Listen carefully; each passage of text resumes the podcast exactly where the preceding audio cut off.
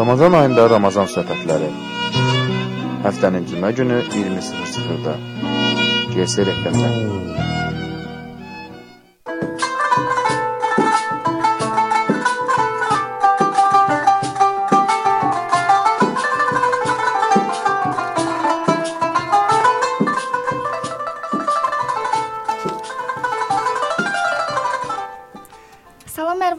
Xeyirli olsun əziz dinləyicilər. Siz GSR FM-də Ramazan söhbətləri proqramını dinləyirsiniz. Mikrofon önündə aparıcınız mən Aydə Səlim. Bakı vaxtı ilə saatlarımız 20:00-ı göstərir və artıq Ramazan ayını yaşayırıq. Elə Ramazan ayı boyunca hər cümə GSR FM olaraq bir-birindən maraqlı mövzu və qonaqlarımızla qarşınızda olacağıq. Bu gün müzakirə edəcəyimiz mövzu isə Ramazan ayının fəzilətləri və oruc haqqında olacaq. Əgər sizin də mövzu ilə bağlı fikirləriniz və ya sizi maraqlandıran sual varsa, Gənclərin Səsi Radiosunun Facebook və Twitter ünvanına @gsrfm yazmaqla Twitterdə bizi taq edirsiniz və şərhlərinizi yazıb göndərə bilərsiniz.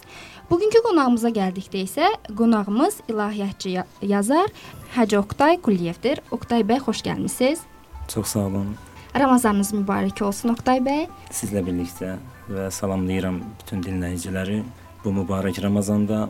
Allah bu Ramazanda bütün oruc tutanların oruclarını qəbul etsin inşallah. Ə, Oqtay bəy, ə, söhbətimizə keçid almadan öncə ə, bizim ə, rubrikamız vardır. Günün hədisi adlanır və bu gün də ə, bir hədis səsləndirəcəyik. İcazənizlə birinci hədisi səsləndirək, daha sonra isə söhbətimizə qaldığımız yerdən davam edəcəyik. Buyurun, təbii ki.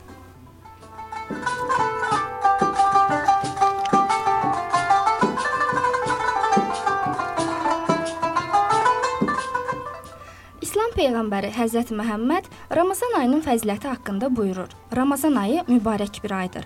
Allah Teala sizə Ramazan orucunu fərz etdi. O ayda rəhmət qapıları açılar. Cəhənnəm qapıları bağlanar, şeytanlar zəncirlənər.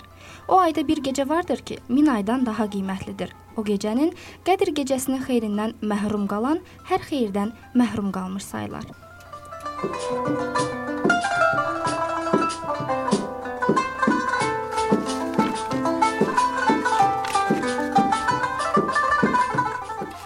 Bəli, əziz dinləyicilərimiz, efirimizə qaldığı yerdən davam edirik. Oqtay bəy, ə, Qafqaz Müsəlmanlar İdarəsinin açıqlamasına görə bu il Ramazan ayı iyunun 29-da başladı.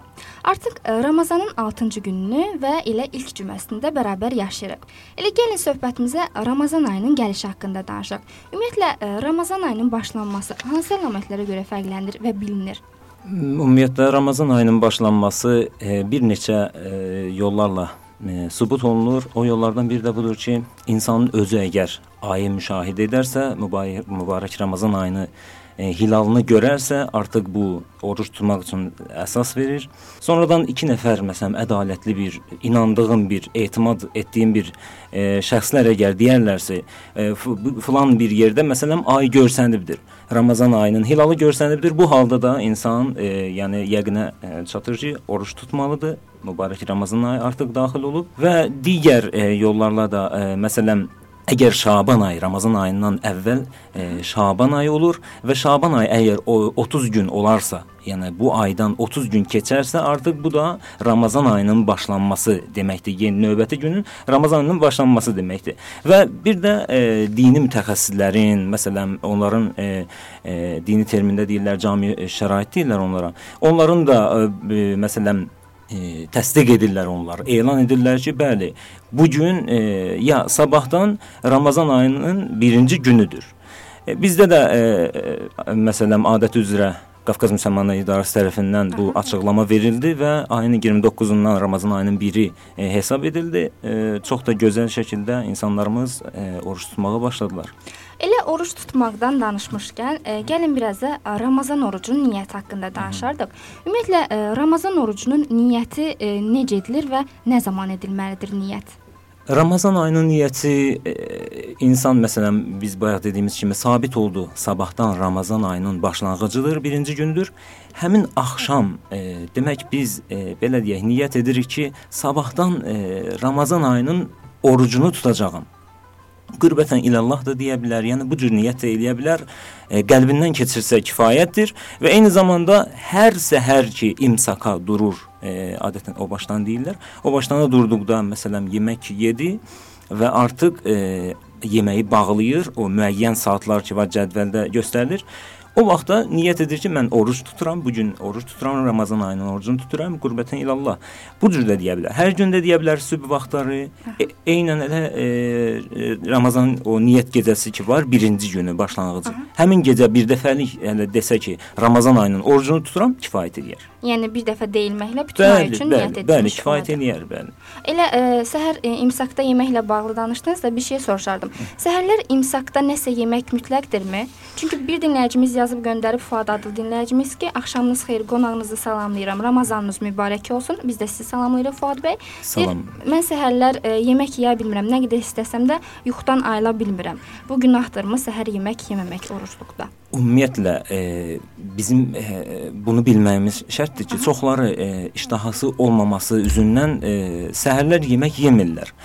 Bu bilim, bilməlidir ki, çox pis bir şeydir bu. Yəni bütün günü bunun əziyyətə qatlaşmasına səbəb olacaq. Baxmayaraq ki, iştahası yoxdur bunun.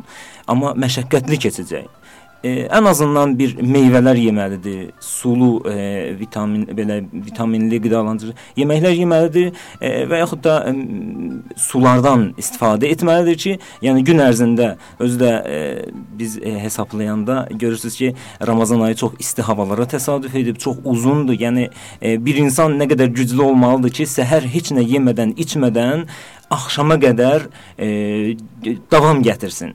Ona görə də e, hətta hədislərdə də e, tövsiyə edilir, sifariş edilir ki, səhər-səhər e, insan o, o, imsak vaxtını yeməlidir. Yeməlidir və imsak vaxtı da e, yer gəlmiş onu da qeyd edək ki, e, müxtəlif qızartı yeməklərdən çəkinməlidir. Biz müşahidə edirik cəmiyyət arasında görürük ki, bəzən e, elə yeməklərin, təamların adlarını çəkirlər səhər yeməklərinə. Halbuki onlar yol verilməzdir. Bütün günü susuzluq gətirir insana, əzab-əziyyət gətirir insana, məşəqqətli olur. E, yaxşı olar ki, bayaq dediyimiz kimi elə bir yeməklərdən istifadə olunsun ki, məsələn, qızar, qızar, qızardılmış yeməklərdən çəkinməlidir və yağlı yeməklərdən çəkinməlidir səhərlər ki e, və sulu e, su e, maddələrindən, maye maye maddələrindən çoxlu istifadə etməlidir ki, axşama qədər davam gətirə bilsin. Aydındır, çox sağ olun. Və biraz da Ramazan orucunun üstünlüyü haqqında danışmaq istərdim. Ümumiyyətlə orucun Allah Taala tərəfindən vacib buyurulmasının hikmətləri və fəzilətləri e, nələrdir? Yaxşı olar ki, e, İslam peyğəmbəri Həzrəti Muhammedin sallallahu əleyhi və səlləmin dilindən e, bir hədisi inşallah qeyd edim Əlbəttə, ki, e, Həzrəti Peyğəmbərimiz e, bu ayın gəlişi münasibəti ilə e, söylədiyi bir xutbədə buyurub ki, ey insanlar, həqiqətən Allahın ayı bərəkət, rəhmət və məğfirətlə sizə üz gətirmişdir. O elə bir aydır ki, Allahın yanında ayların ən yaxşısı, günlərin ən yaxşı günləri, gecələrin ən yaxşı gecələri və saatların ən yaxşı saatları bu ayda məhz qərarlaşıb. Bəli, bu e, kəlmələri nəzərə alıb həqiqətən də söyləmək olar ki, Ramazan ayı aylar içərisində biz ayların sultanı eşitmişik. Ramazan ayı ayların sultanıdır. Həqiqətən həm mənəvi baxımdan, həm digər baxımlardan ki, indi e, fürsət olsa onları da qeyd edəcəyik. E, ən əsas da mənəvi baxımdan insanın ucalmasına, insanın e, bir növ belə deyək, mənəvi qatlara e, gedib çıxmasına e, bir e, vasitədir Ramazan ayı. Və bir e, ayəni də mən əlbəttə ki, Quran ayəsi ilə e, sözümü davam edim ki, e, Bəqərə surəsində buyurulur: Ya eyyuhellezine amenu kutibe aleykumus-siyam kema kutibe alellezine min qablikum leallekum tettaqun. Oruc sizlərə də vacib edildi, sizlərə də yazıldı, sizdən əvvəlki ümmətlərə də yazıldığı kimi sizlərə bu orucluq yazıldı ki, təqvalı olasınız. Təqva nəfsinizlə, nəfsinizlə mübarizə aparmağa. Yəni əsasən indi bunu təqva əlbəttə ki, e, bir növ belə deyək, nəfs nəfsimizin o istəkləri ilə mübarizə aparmaq, nəfsimizlə mübarizə aparmaq, e, adətən insanın nəfsi insanı e, tam tamamilə başqa bir səmtə yönəldər və biz çalışmalıyıq ki, o nəfsin istəklərinin qarşısında bir sədd qoyaq. Nəfs ümumiyyətlə sübut olunub ki, insanın daxili aləmində o deyilən nəfs ki var, həmişə pisliklərə çəkər insanı. Yəni insana xeyir gətirməyən bir şeylərin arxasınca sürükləyər. Və bizə də lazımdır ki, e, o nəfsin qarşısında sədd çəkək, nəfslə mübarizə aparaq və hətta hədislərdə də görsənib ki, göstərilib ki, e, qəhrəmanlıq elə ən böyük qəhrəmanlıq, şücaət nəfslə mübarizədə qələbə çalana deyərlər. Yəni təqvalı olmaq, orucluğun mahiyyətini hikmətlərindən, hikmətindən biri də budur ki, insanı təqvalı etməyə, yəni vadar edir və insan bir növ təmrin edir, məşq edir. Tədricən artıq insan özündə bir güc əldə edir. E, özünün həm e, eyni zamanda insan daxilində elə bir güc var. Adi vaxtlarda insan bunu e, bəlkə də hiss etmir. Mən bir misal çəkmək istəyirəm. E, adətən biz e, ola bilər bir e, dərəni atılıb keçmək, qorxuruq bir dərəni atılıb keçməyə. Adi vaxtlarda məsələn. Amma bizi arxada bir təhlükə gözləyirsə, biz artıq o dərənin üstündən e, məcburuq tullanıb keçməyə. Bəzən görərsən ki, adi vaxtlarda ürək etmirik, amma e, təhlükə arxadan, məsələn, bir qurd, e, vəhşi bir yırtıcı heyvan bizi qovursa, artıq gəlib e, elə bir güc tapırsan özündə, o dərəni atılıb keçirsən və sonradan baxırsan ki, mən nəyə qadir imişəm. Ramazan ayı ümumiyyətlə e, insana bunu göstərir. İnsanın içində olan gücü göstərə bilir. E, bunu bacarır ki, yəni insan sən çox qüdrətlisən, sən çox gözəl yaradılmısan və güclü yaradılmısan. Özünə inamı göstərir sənə, iradə möhkəmliyi, e, bayaq dediyimiz kimi təmrin edirsən sən, iradə möhkəmliyi əldə edirsən. Ümumiyyətlə budur. Aydındır. Çox sağ olun. Söhbətimizi e, davam etdirmək istəyirəm Ramazan orucunun üstünlüyü ilə. Bir də bir şey soruşmaq istərdim Oqtay bəy. İslam dinindəki orucla yanaşı digər səmavi dinlərdə də oruclar vardır. ki. İslam dinindəki orucun şərtləri ilə, yeri ilə digər səmavi dinlərdəki orucun şərtləri və yeri arasında hansı fərqlər vardır? Ümumiyyətlə biz araşdırım araşdırmalara baxanda e, indiki məsələn o dinlərdə müxtəlif fərqli e, orucluq görürük biz. Məsələn, onlarda düzdür, Ramazan ayında olmuyor bu. E, biz baxırıq görürük ki, məsələn, onlarda e, bəzən xristianlıqda e, 10 gün o Pasxa deyilən bir onlarda e, ritual var, e, dini ritual. Həmin ərəfələrdə 10 gün oruc tutarlar e, və yaxud da ki, məsələn, e, ondan digər vaxtlarda da tutarlar və yaxud da e, Musəvilikdə var 3 e, gün oruç tutmaq, hətta e, 40 gün oruç tutmaq, onlar e, e, əlbəttə keçmişdə törətdikləri günahların müqabilində e, cəza tətbiq edirlər özlərinə və 40 gün hətta oruç tuturlar. Təbii ki, indi indiki məsihlikdə, məsələn, yəhudilikdə onlardan çox az qalıbdı, əlbəttə. Onu da deyim ki, dinin özündə deyildi. Musa peyğəmbərin o gətirdiyi dində deyildi 40 gün. Sadəcə bunlar özləri Musanın dinində, e, belə deyək, Musanın dediklərindən çıxdıqlarına görə özlərini cəzalandırdılar sonradan. Məsələn, o qızıldan düzəldilmiş buzova sitayiş etdilər.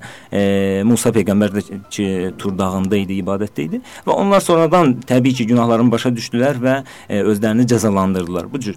E, amma İslamda e, artıq e, bizə tamamilə aydındır. Həm Quran bizə e, göstərir e, ki, bizə bunun formalarını formasını, məsələn, neçə gün olmasını, yəni tə, təbii ki, Ramazan ayı 1 ay, ya 29 gün, ya 30 gün müddətində olur bu. E, deməyim budur ki, yəni digər dinlərdə də, hətta mən səmavi dinlərdən e, qeyri dinləri də misal çəkə bilərəm mən. Yəni ki, e, hətta bütpərəstlikdə də e, oruc e, oruc tutma var. Bu da biz e, bir növ e, onlar e, belə deyək ki, nəfslə mübarizəyə qayıdır. Onları da biz araşdıranda baxırıq görürük ki, onlar da orucu tuturlar. E, bir növ bəziləri e, sağlamlıq e, niyyəti ilə, bəziləri nəfsin cəzalandırması niyyəti ilə oruc tuturlar. Təbii ki, biz Ramazan ayının orucuna baxdıqda tamamilə təkmilləşdirilmiş və asanlaşdırılmış bir variantını görürük. E, e, biz indi sözümüz ora çatsa, onu da qeyd edərik ki, Ramazan ayında məsələn e, mütləq deyil yaşlılar, ahıllar e, oruç tutsunlar, özlərini əzab əziyyətə salsınlar. Onlara əlbəttə indi sadalayarıq bunları. Əlbəttə ona da keçid alacağıq. Və elə e, orucdan söz düşmüşkən e, İslamdakı orucun şərtləri nələrdir? Hı. Yəni o haqqda danışarsınız. Ümumiyyətlə İslamdakı orucun şərtləri. Yəni, İslamdakı orucun orucluğun şərtləri. Aha. Yəni e, belə başa düşdüm ki, yəni, yəni oruc tutmağın qaydaları, şərtləri, fəziləti ümumilikdə. Ümumilikdə bunu belə deyək. Yəni əgər e, insan e, bir insan e, həddi buluğa çatıbsa, məsələn, oğlan uşağı 15 yaşa adətən götürülür. Qız uşaqları da 9 yaşında. İndi müəyyən fərq e, biraz fərqliliklə ola bilər. Ola bilər ki, e, yetkinlik e, yaş cəhətindən həddi buluğa çatıb, amma e, cismi cəhətdən bu e, zəif qalıb filan. Bu məsələlər də əlbəttə istisnadır. Amma insan e, yaş həddinə, bir e, yaş həddinə çatdıqdan sonra e, hər bir kəsə, məsələn, e, xəstə olmamaq şərti ilə təbii ki, insan xəstə olmamalıdır. e, və e, əlbəttə ki, bir sıra xəstəlik, ruhi xəstəliklər də, e, xəstəliklər də onlar əlbəttə ki, nəzərə alınır, onlara da vacib deyil deyildir. E, və eyni zamanda səfərdə deyilsə bir insan, e, bu insan oruç tutmalıdır. Buna e, vacibdir səhər sübh e, azanından axşam azanına qədər e, müəyyən e, qidalardan özünü saxlasın Aha. Bir də bir şey soruşacaqdım. Səfər haqqında danışdınız da, ümumiyyətlə səfərə çıxan bir insanın oruç tutması nə dərəcədə düzgündür və e, kilometrlərlə məsafəsi, İslamda belə bir şey varmı? Məsələn, neçə kilometrdən artıq e, oruc e, tutulması düzgün hesab edilir? Ümumiyyətlə belə deyək, e, bir insan əgər səhər bir yola çıxırsa, məsələn, e, günortaya qədər insan qayıdacaqsa o yolu öz e, yerinə, fərq eləməz nə qədər uzaqlaşsa belə, yenə orucunu saxlamalıdır. Və yaxud günortadan sonra insan zöhr məsələn namazından sonra insan əgər bir səfərə e, çıxırsa, orucunu açmamalıdır, orucunu tutmalıdır. Və burada belə bir şərtlər də var əlbəttə. Amma müəyyən o e, məsələn kilometr ki var, o onu keçdikdən sonra insan bir e, məsələn e, ucqar bir rayona gedir, hər hansı bir e, yola yola səfərə çıxırsa, insan e, məsələn belə deyək 25 kilometr təqribən 25 kilometr keçdikdən sonra orucunu açmalıdır. E, inadkarlıq etməməlidir ki, mən Çox dözümlüyəm. Əgər səhhət hmm. icazə versə belə açmalıdır. Xeyr, bəli, açmalıdır. Orucunu açmalıdır. E, bəzən görürük ki, deyirlər, mən e, təyyarə ilə e, səfər edirəm və mən heç hiss edəmirəm. Xeyr, səfərə gedirsə, bunun şərtlərindəndir. Bunun hikməti təbii ki, var. E, insan e, səfərə çıxınca 10 gün müddətindən artıq qalacaqsa bir yerdə, təbii ki, orada oruc tutmalıdır. E, amma əgər 10 gün qalmayacaqsa, bir insan əlbəttə ki, orada orucunu yeməlidir. Bəli. E, həmin günlərin də qəzasını tutmalıdır. Təbii ki, bir gün qəzası sonradan Ramazan ayından sonra bir gün olaraq qəzası tutulacaq. Aydındır. E, bir də e, uşaqların e, yaşı ilə bağlı fikirlər söylədiniz. Elə o haqqda bir sualımı vermək istərdim. Dinləyicimiz yazıb ki, salam axşamınız xeyir, qonağınızı salamlayıram.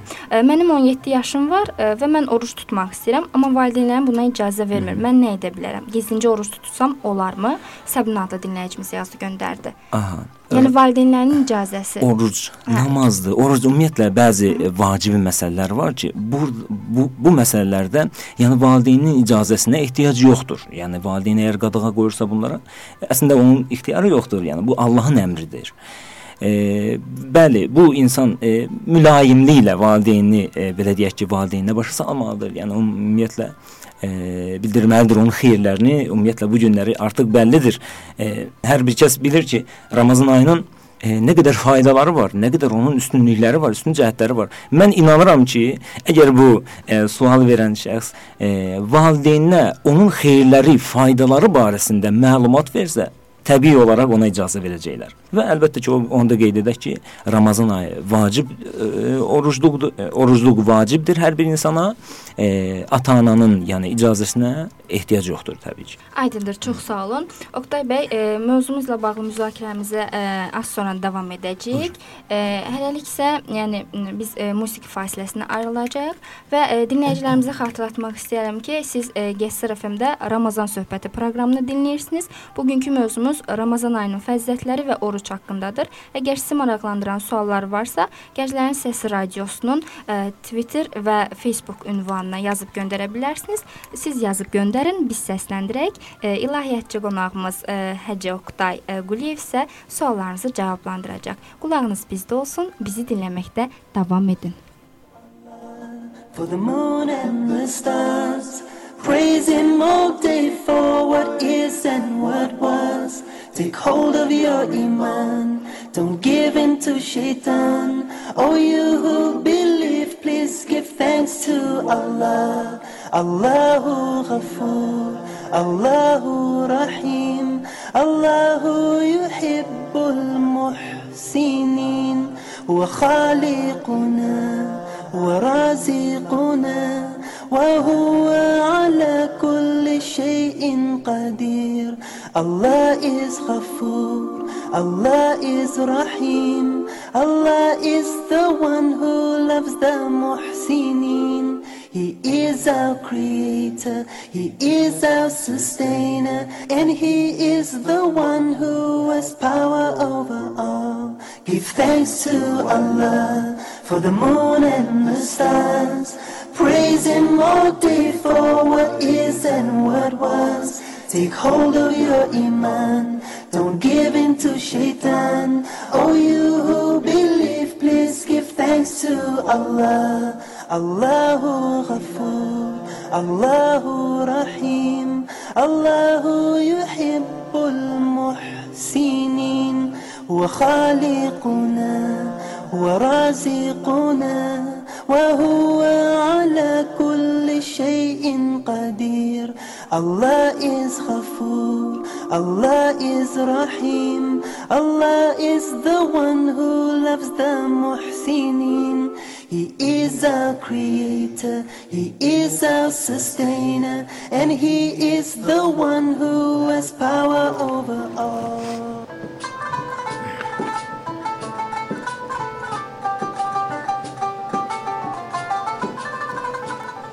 Bəli, əziz dinləyicilərimiz, e, biz yenidən efirdəyik. E, siz GSR FM-də Ramazan söhbətləri proqramını dinləyirsiniz.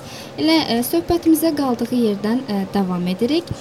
Oqtay bəy, sualım bu haqqda olardı ki, orucu batil edən əməllər. Orucu nələr batil edir? Aha, buyurun. Bəli. Orucu batil edən bir sıra e, məsələlər var ki, onları hər bir kəs bilməlidir e, və onlardan çəkinməlidir ki, e, orucuna xələl gətirməsin. E, onlardan məsələn e, hamının bildiyi kimi yeməkdir, içməkdir, əlbəttə bunlardan çəkinmək lazımdır. Gün ərzində, yəni səhər azandan axşam azana qədər. E, və e, insan Allahın adına yalan danışır bəzən.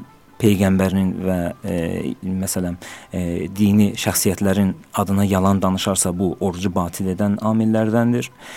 Əgər qəliz tozu insan udarsa və e, qəliz tüstünü, yəni qatı e, tüstü, toz əgər boğaza gedərsə, bu artıq orucun pozulmasına e, gətirib çıxardar. Sonradan e, başı tamamilə suya salmaq orucu batil edər. E, bəziləri burada e, mən bunu qeyd edim xüsusi olaraq ki, e, çoxları özlərini çətinliyə salırlar. Ramazan ayında, xüsusən bu isti aylarda, isti e, günlərdə e, tuş qəbul etməkdən, yəni hamama getməkdən e, özlərini saxlayırlar, qorxurlar ki, e, bu orucun batil olmasına gətirib çıxardır. Xeyr, əsla bundan qorxmağa ehtiyac yoxdur. Tamamilə başın suya salınması orucu batil edər. Bundan qeyri halda e, insan tuş da qəbul edə bilər. Yəni e, bunun heç bir qorxusu yoxdur. Bunu e, çox e, əlbəttə mən e, biz müşahidə edirik ki, bunda səhvə yol verirlər. Sonradan e, insan e, belə deyək, əgər özü ilə elə bir iş görərsə, məsələn, e, qaytarsın, yediklərini qaytarsın, bu da orucun batil olmasına səbəb olar. E, yəni qusman e, üzr istəyirəm ifadəyə görə e, e, orucun batil olmasına səbəb olar. E, sonradan e, sübh azanına qədər, yəni bir insan qəsdən əgər e, e, cənabətli halda, məsələn, və e, digər qadınlara xas olan e, hal, hallar var ki, məsələn, e, o hallarda əgər yatıb qalarsa sübh namazından sonra, bu halda orucun batil olmasına sə səbəb olar. İnsan gərəkdir ki, o təmizlikləri də öz yeri yerində qorusun və insanın cinsi e, yaxınlıq məsələləri bunlardan da gündüzlər çəkinmək lazımdır. E, və bir məsələ də var ki, o da üzr istəmə ifadəyə görə e, analizmlə bağlıdır ki, bu əlbəttə ki, bu günah əməldir və hər zaman, hər bir halda batildir. Buna e, yol vermək olmaz. E, və əlbəttə ki, axırı ə, axıcı maye maye ə, bir şeylərlə klizma etməyin də orucun batil olmasına səbəb olar. Mən burada ə, bir sıra e, məsələlər var ki, onları da qeyd edim. Onlar məkruh hesab olunur. Amma bizim cəmiyyətimizdə heyf olsun ki, onu haram həddinə gətirib çıxardanlar var. Bunda diqqətli olmaq lazımdır. Məkruh mən bəzən dini terminlər işlədəndə bunu mən məcburam açıqlamasını verirəm. Çünki dinləmiz dinləyiciləri nəzərə almalıyam. E, məkruh o şey deyirlər ki, bəyənilmir. Yaxşı olar onları etməyəsən, onlardan çəkinəsən. Amma etsən də bunun günahı yoxdur. Məsələn, e, oruç tutan şəxs gözə dərman, məsələn, e, damcılatsa, bu yaxşı deyil. Əgər e, əlbəttə ki, e, o belə deyək, boğaza çatarsa, boğaza çatma ehtimalı varsa, e, gözə dərman tökməkdən çəkinsin, sürmə çəkməkdən e, çəkinməlidir. Zəifliyə ümumiyyətlə səbəb olan bütün işlərin görülməsi Ramazan ayında yaxşı deyil, yaxşı hal deyil. Eyni zamanda qan vermək. E, Ramazan ayında, mübarək Ramazan ayında qan verilməsi əlbəttə ki, e, yaxşı deyil. Yəni insanın zəifləməsinə gətirib çıxardar, əzab, əziyyət çəkər. O, ona görə də təbii ki, bəyənilən Ramazandan sonra insan verə bilər. Bu gözəl bir işdir, bəyənilən bir işdir. Ətirli bi bitkilərdən məsələn istifadə, o da bir e, xoşa gəlməz bir şeydir, məkruh sayılır. Yəni gülləri iynəmək. Yaxşı olar ki, bunlardan da çəkinsin insan. E, dişini fırçalamaq, məsələn, insan dişini fırçalayır. Bu günah deyil. Bəziləri bunun günah olduğunu deyirlər. Yəni el arasında qorxurlar, çəkinirlər bu işdən. Xeyr, o həddə də deyil. E, amma boğaza suyun çatmaması şərti ilə insan dişlərini yuya bilər, fırçalaya bilər. Bunun belə belə deyək ki, yəni e, yaxşı olar yenə də, yenə deyirəm, məkruhdur. Çəkinsin, amma etsə bunun bəli, yaxşıdır. problemi yoxdur. Ə, Bəli. bir dinləyicimiz ə, yazıb göndərib, ə, Nəzrin adlı dinləyicimiz, ə, axşamınız xeyir, qonağınızı və sizi salamlayıram. xeyir. Biz də sizi salam. salamlayırıq. Ə, yaranı təmizləyərkən spirtdən və ya yoddan istifadə orucu pozarmı? Heç bir halda orucu pozan deyil əlbəttə ki bu. Yəni ist istifadə edə bilər. Hə. Tibbi spirtlərdən istifadə edə bilər. Oruca da heç bir problem yoxdur. Orucu pozulmur. Bəli. Ə, digər dinləyicimiz ə, Aydan adlı dinləyicimiz yazıb göndərib ki, salam oruç tutan şəxs gün ərzində ağzını yaxalaya bilərmi? Bayaq dedik biz bunu. Əlbəttə yaxalaya bilər. E, Yaxalaya biz fırçalamaq dedik. Bəli, yaxalaya bilər. Boğaza getməsin su. Bu şərtlə əlbəttə ki, ağzını yaxalaya bilər və mən e, yenə qeyd edim bunu. Ağız suyunun udulması E, çoxları e, bunu bundan qorxurlar. Yəni mən deyərdim ki, yəni biz yenə deyirəm cəmiyyət içində olan görürük, rast gəlirik. Çoxları bu e, ağız suyunun udmağı qorxur. Yəni udqunmağa qorxur. E, Ağız suyu da orucu pozmaz. Təbii ki, pozmaz, əlbəttə Aydın. pozmaz. E, yəni bu məsələdə diqqətli olmaq lazımdır. Yəni biraz e, maarifləndirmə zəifdir ya nədənsə e, insanlarımız qorxurlar bu işdən və özlərini daha da çətinə salırlar. Yəni oruç e, bu cür oruç tutmaq təbii ki, e, böyük bir məşəqqətə səbəb olacaq. Bunun heç bir problemi yoxdur, əlbəttə. Aydındır. Ə, bəs ə, Oqtay bəy, ə, Ramazan orucu kimlər üçün, yəni tutulmaması icazə verilir? Yəni kimlər Ramazan orucundan azaddır? Aha, e, bayaq dediyimiz kimi ahıl ahıl e, şəxslər, e, məsələn, yaşlı insanlara e, vacib deyil. Ola bilər ki, yaşlı insan olsun, məsələn, bədən cəhətdən, orqanizm cəhətindən, cismi cəhətdən güclü olsun. Bunun problemi yoxdur. Yəni belə deyək ki, tutmalıdır. Amma bir e, bir insan ki, çox ahıl bir haldadır, yaşlıdır və zəifdir, taqətsizdir, təbii ki, bunun boynundan götürülür. Və eyni zamanda bayaq mən saymışdım, yenə təkrar e, sayım ki, e, dəli bir insan insana əlbəttə ki, e, belə deyək, ruhi xəstə deyirik biz. E, bunlara e, oruç tutması lazım deyil heç. Bəli, məs. Əlbəttə uşaqlara, e, bayaq dediyimiz kimi, həddə buluğa çatmayan uşaqlara da e, oruç tutmaq vacib deyil əlbəttə. A, e, yetkinlik yaşı bayaq dediyimiz kimi yetkinlik yaşına çatmalıdır. Ondan sonra vacib. Aydındır. Ə, və ə, Oqtay bəy, yenə bir fasilə verəcəyik. Ə, Buyurun. bizim digər bir rubrikamız vardır. İftar menyusu rubrikası adlanır. Hansı ki, ola bilsin ki, dinləyicilərimizdən hələ də iftar ə, süfrələrini hazırlaya bilməyiblər, yeməklərini hazırlaya bilməyiblər. Tez və qısa zamanda asan ə, başa gələcək ə, bir ə, resept təqdim edirik. Çox gözəl. Və ə, Buyurun. icazənizlə onu səsləndirərdim.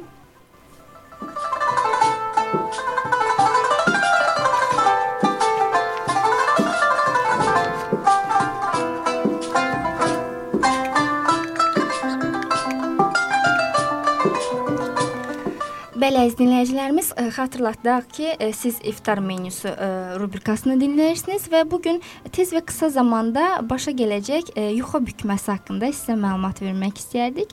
Yuxa bükməsi üçün bizə lazım olan ərzaqlar bunlardır. 10 ədəd balaca yuxa, 200 qram ağ pendir, 4 ədəd pomidor, 4 dəstə göyərti zövqə görə və qızartmaq üçün yağ.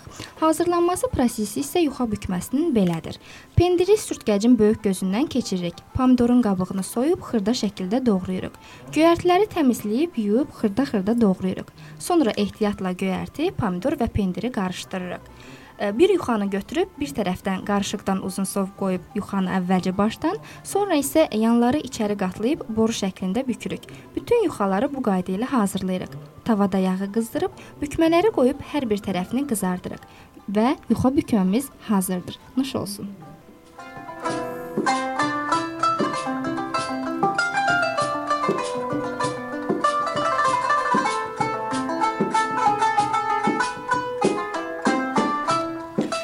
Belə əziz dinləyicilərimiz, iftar menüsü rubrikasında dinlədik. Tez və qısa zamanda ə, başa gələcək ə, iftar ə, men süfrələrinizi bəzəyəcək yuxa bükməsi haqqında da məlumatlandıq.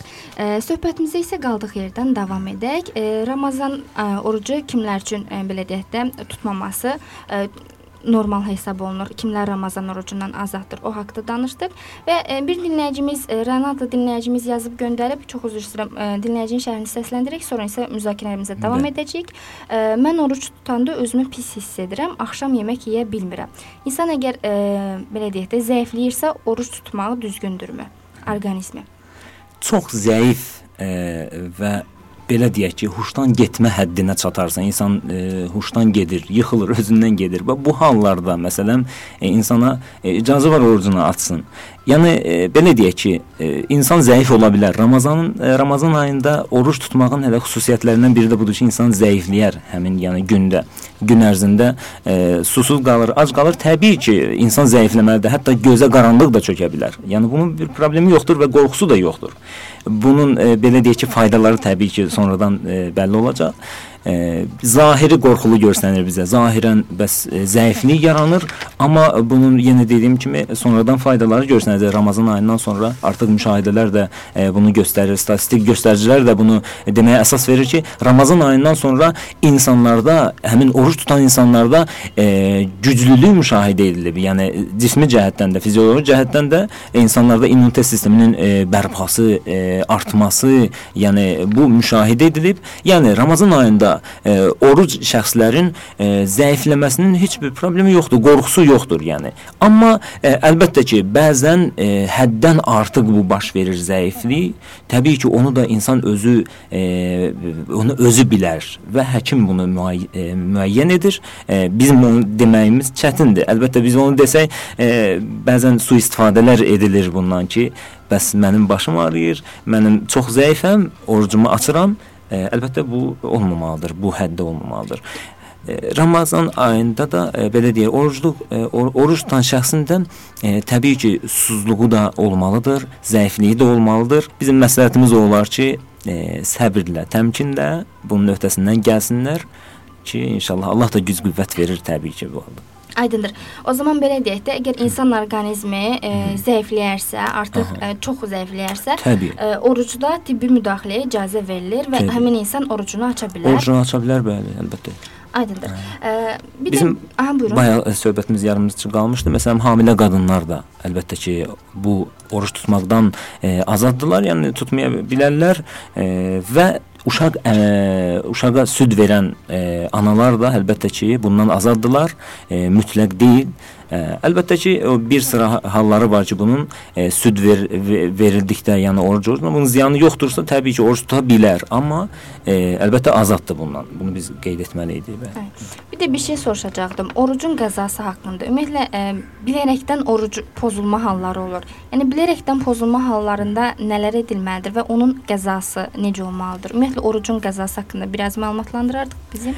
İnsan əgər e, müəyyən bir, e, məsələn, bayaq dediyimiz kimi səfərə çıxarsa və e, bu halda e, orucunu yeyir, oruç tutmur müəyyən e, günlərdə və Ramazan ayı bitdikdən sonra biraz fasilə verir və ondan sonra başlayır e, Ramazanın e, qəzasını tutmaq, orucun qəzasını tutmağa və bir günə bir gün e, hesab edilir bu bu halda.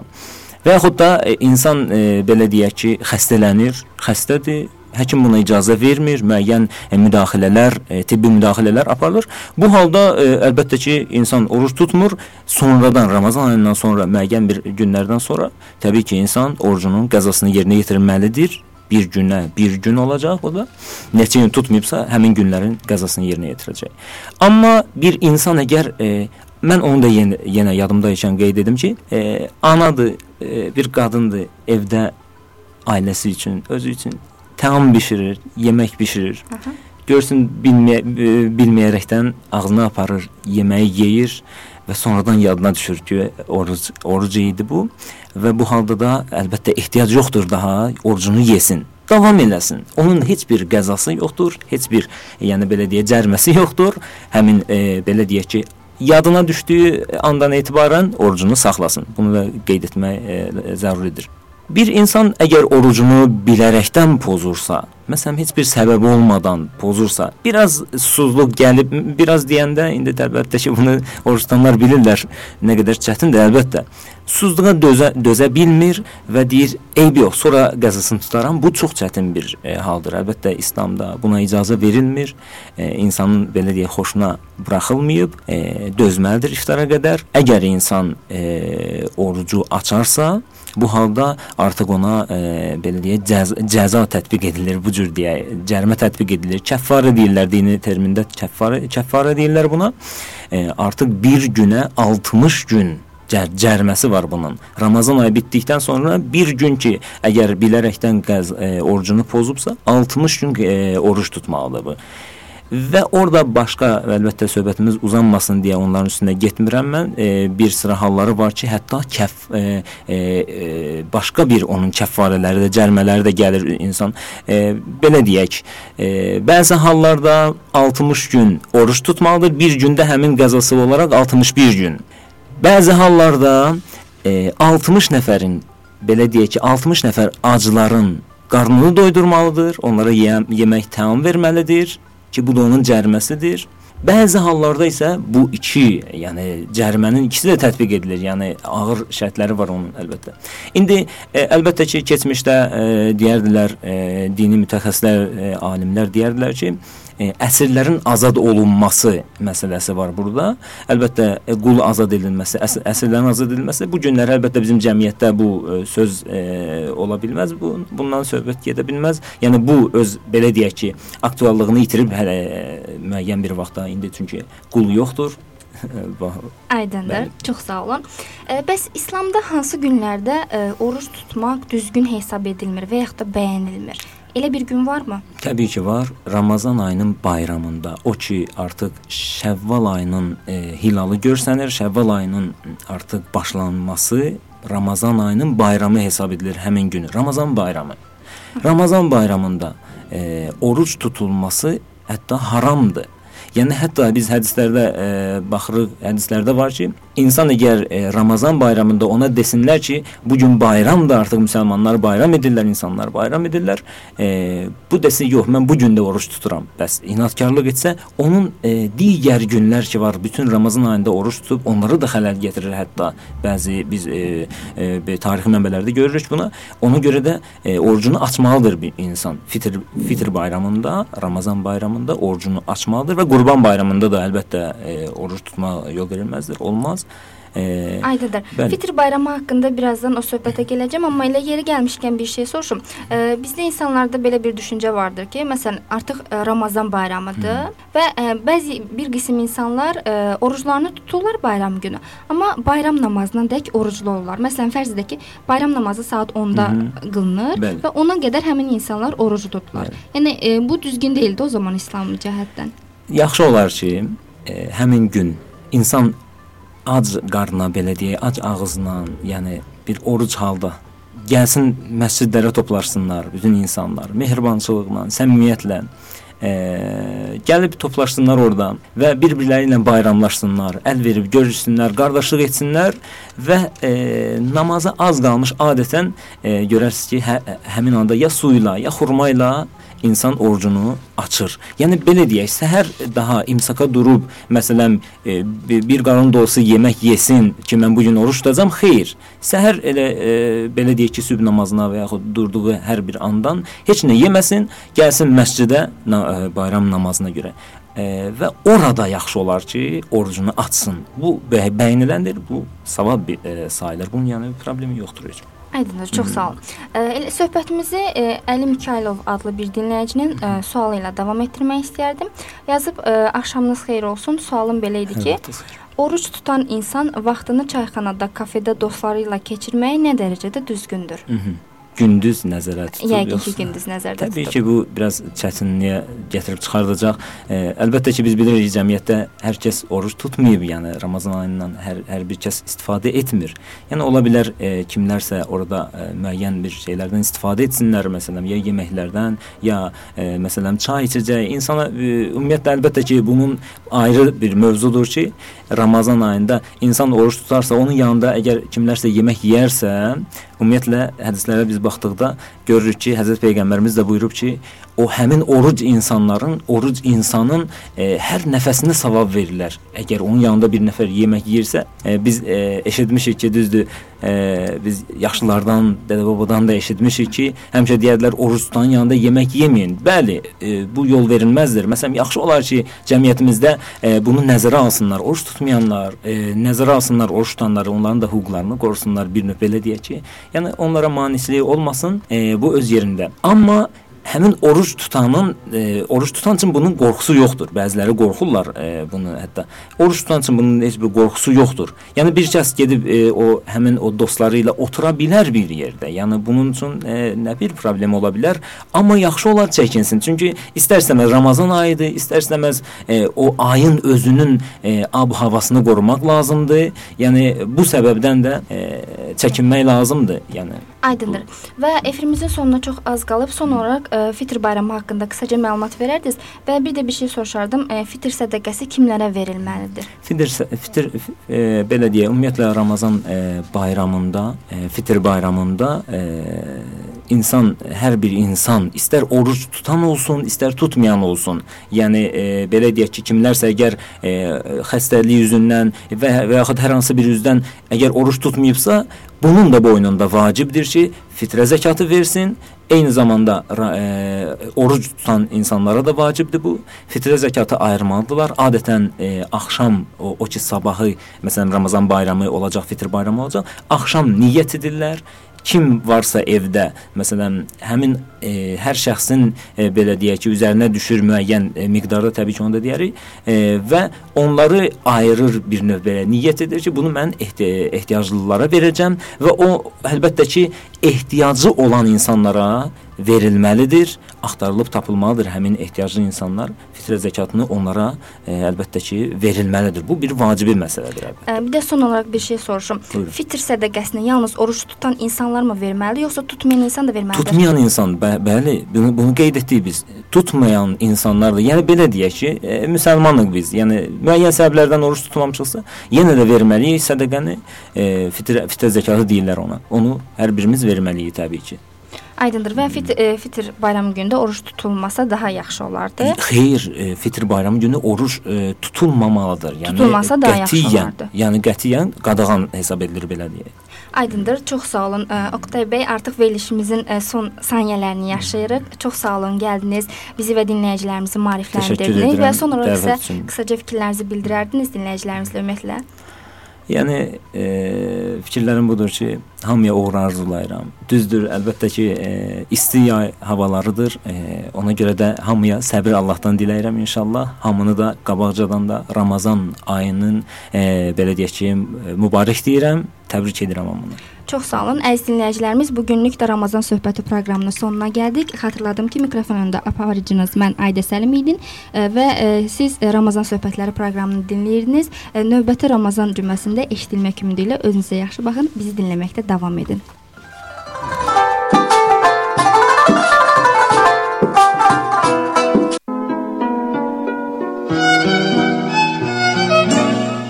Ramazan ayında Ramazan söhbətləri. Həftənin cümə günü 20:00-da. GS rəqəmlə.